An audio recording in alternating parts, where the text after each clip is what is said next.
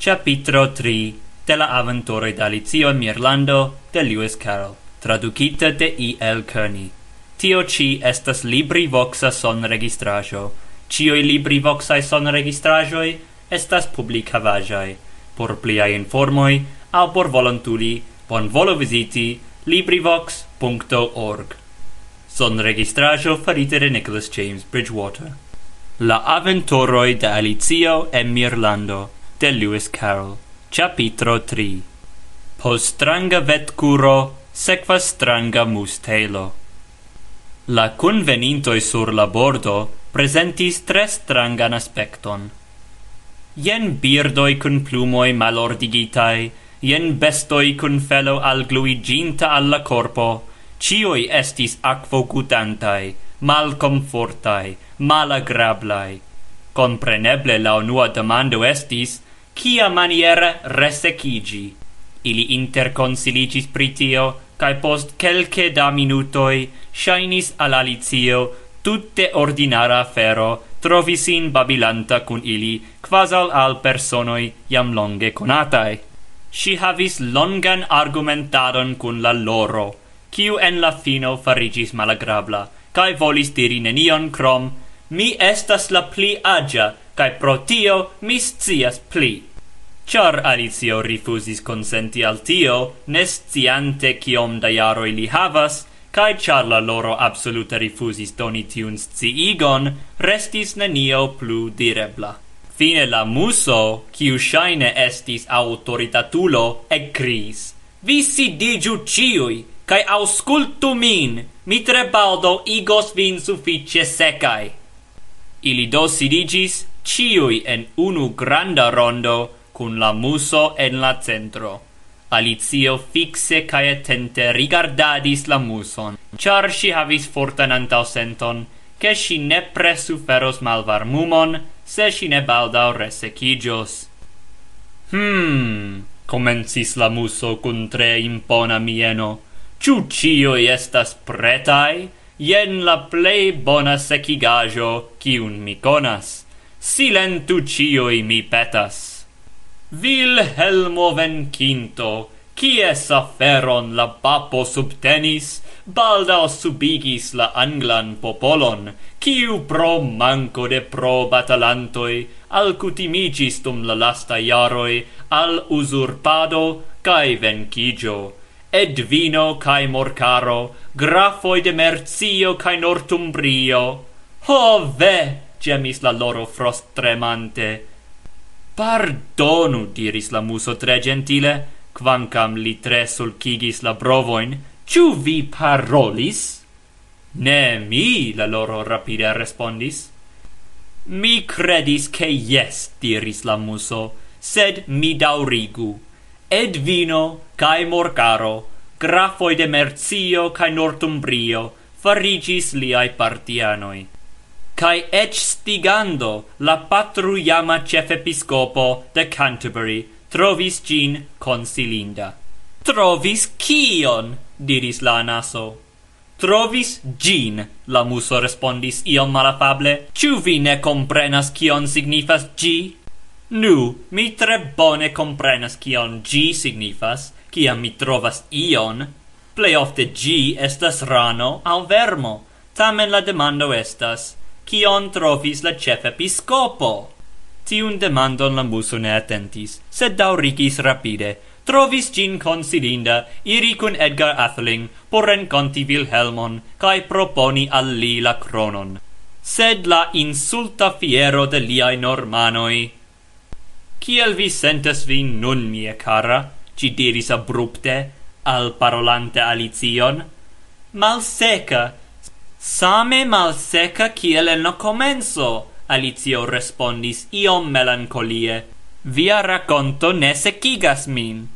Consideradinte la jus annoncitan resultaton, ectiris solene la dodo, mi proponas che citiu consido tui fermigiu, porce oni el consideradu, cae sen procraste effectivigu pli energiain rimedoin.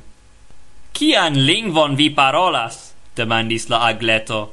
De tioi longai vortoi, mines cies la signifon, cae plua mi credas, che vines cias mem. La agleto declinis la capon, por casci sian mocridon sed quelcae el la birdoi sible ridis audeble.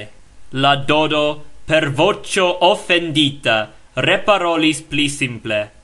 Ien cion min tensis diri. La plei bona rimedo pur secigi nin estus la cauco vetcuro. Cio do estas cauco?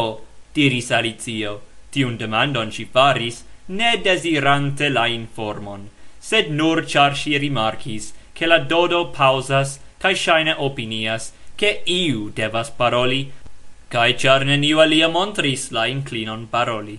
La dodo respondis che La plei bona rimedo por clarigi gin estas per la ago mem.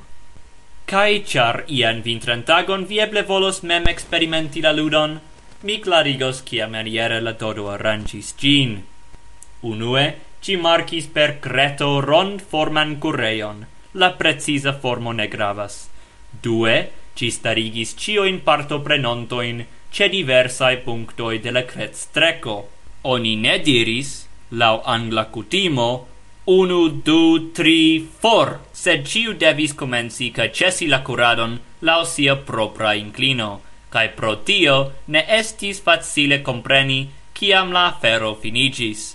Tamen, post longa curado, eble duon hora, ciui tute resecigis, cae la dodo supite ecris, la cauco finigis. Ciui amasigis circa la dodo, spiregante, cae demandante, sed ciu vencis? Tiun demandon la dodo en la unua momento ne povis respondi. Ci sidis longan tempon cun unu fingro premata sur la frunto. En tiu sama sintenado, kiun ordinare havas Shakespeare en niai bildoi. En la fino, la dodo diris. Ciui vencis, cae ciu devas ricevi premion. Plena choro da vocioi demandi samtempe, sed kiu la premioin distonos? Ja, sci compreneble, diris la Dodo, cae montris per un fingro sur Alicion. Sekve la tutta aro amasicis circa sci, cae cris confuse, la premioin, la premioin. Cion fari? La compatinde Alicio, havanta alian ideon neniun, enshovis la manon en sian poshon, cae felice trovis tie pacageton da sucerajoi, kiuin per bonchanso la sala aquo ne defectis, cae ilin si distonacis kiel premioin, sufficis giuste por donaci al cioi po unu. Sed si mem ne preraites ricevi premion, diris la muso. Certe, tre seriose respondis la dodo, cae turnis sin al Alicio dirante. Cion alian vi havas en la posho? Alicio respondis malgioie, che nur fingroingon. Gin transdonu al mi, diris la dodo. Denove, cioi amasigis circa si, dum la dodo solene presentis la fingroingon, dirante, Ni petas che vi bon volo accepti citiun elegantan fingroingon. Ce la fine de tiu mallonga parolo, ciui applaudis. Alicio pensis interne, che la tutta afferro estas absurda, sed cioi tenadis sin tiel seriose, che si ne curagis ridi. Ancao, char si ne povis elpensi ion dirindan, si nur simple clinis respecte la capon, acceptante la ingon, cae tenadis sin, kiel eble plei seriose. Cae nun sequis la mangiado de la sucarajoi, Tio causis ne mal multe da bruo cae confuso. Grandai birdoi plendis, che ili ne povas custumi siain, malgrandai ali flanque suffocigis, cae estis necesse curatsi ilin per la dors frappada curazzo. Tamen cio fine el farigis. Ili sidigis sin de nove en la rondo, cae petis al la muso, che gi racconto al ili ion plu. Vi ja promesis rakonti al mi vian historion, diris Alicio, cae la causon, pro ciu vi malamas la la la co kai ho.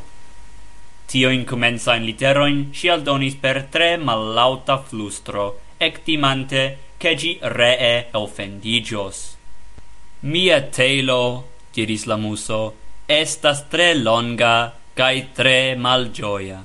Mi vidas che gi estas longa, diris Alicio rigardante con miro gian voston, sed cial vi gin nomas malgioia? Cae dum la dauro de la raconto, si tiel confusis sin pri tiu enigmo, che sia concepto pri gi en havis cune la ideoin de ambau teilajoi. Ien la vostra conto au racont vosto. Furi, diris al mus, cium trafis li jus, ni havu processon, processos mi vin. Nec penu rifusi, tio nur por amusi min, estas necessa defendu do vin.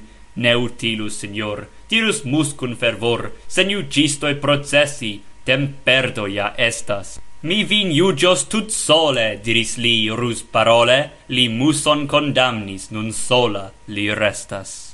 Vi ne attentas, diris la muso al Alicio con severa mieno. Pri cio vi pensas? Pardonu, respondi si tre humile, vi jam alvenis ce la quina vost curbo, ciu ne? Mi ne! ecris la muso. Mi ne, mi ne, ripetis Alicio, do vi certe estas franza muso, sed kial vi, cat malamanto, nun alvocas caton? La colerema muso tui levis sin ec furiris, jetante possi la riprocion. Ne tolereble estas che vi insultu min per tia sensencaĵo. Mi ne intensis offendi, vere ne, ekkris Alicio per petega vocio, cae vi ja estas tre offendema. Anstato respondi, la muso nur graulis colere. Revenu mi petegas, cae finu la raconton, Alicio laute cris alla foriranta muso, pos cioi cris hore. Yes, revenu, revenu. Tamen la muso nur scuis malpacienze la capon, pli rapidigis la pasioin, cae malaperis. La loro malcontente diris, Estas domaggio che gine volis reveni. Unu maliuna crabino, profitis la ocason por diri alla filino Ha, mia cara, tio estu por vi solena averto, porque neniam vi perdu la bon humoron. Cai la mal respecta crabido acre respondis, Vi fermu la bushon, pagno, vi ja defectus la pacienzon ec al ostro. Ho kiel mi volus che nie daina estu tie ci? Alicio diris tion al neniu aparte, sed quasal si volis mem audi siain pensoin. Si ja capablus toi reporti gin. Ciu do estas daina? Se estas permesite tion demandi, diris gentile la loro. Alicio respondis avide, char ciam si estis preta paroli pri sia cara catigno. Daina estas mercato. Si estas la plei bona muscaptisto kiun vi povus ec magi, cae se vi vidus ŝin birdcaptanta. Tioi vortoi causis inter la cestantoi vere rimarkindain sentoin. Quelcae el la birdoi tui forportisin. Unu maliuna pigo tre zorge enfaldi sin per la vestoi cae unonsis che, char la noctae vaporoi malbone efficas sur la gorgio, si devas heimenigi. La canario criis per trempe panta vocio al sia idoi, Forvenu, caroletoi, la horo jam pasis, je kiu vi devis cusigi. Pro diversae tiai pretextoi, cioi foriris unu post alia, cis Alicio restis tutte sola. Se nur mi ne estus nominte Dainan, si diris melancolie, supre en la heimo cioi shata shin, ci tie funde neniu. Tamen, lau mi, si estas la plei bona cato en la tuta mondo. Ho, Daina, vi cara Daina, ciu jam nenia mi revidos vin? cae nun sentante si intre sola cae tre malgioia, si de nove ec ploris. Post iom da tempo, ec audante quelcaen pied pacetajoin, si avide directis la rigardoin al ili, en la aspero, che eble la muso regainis la bon humoron, cae nun revenas por fini sian raconton. Fino de capitro 3 Son registrajo farite de Nicholas James Bridgewater en Amman, Jordanio.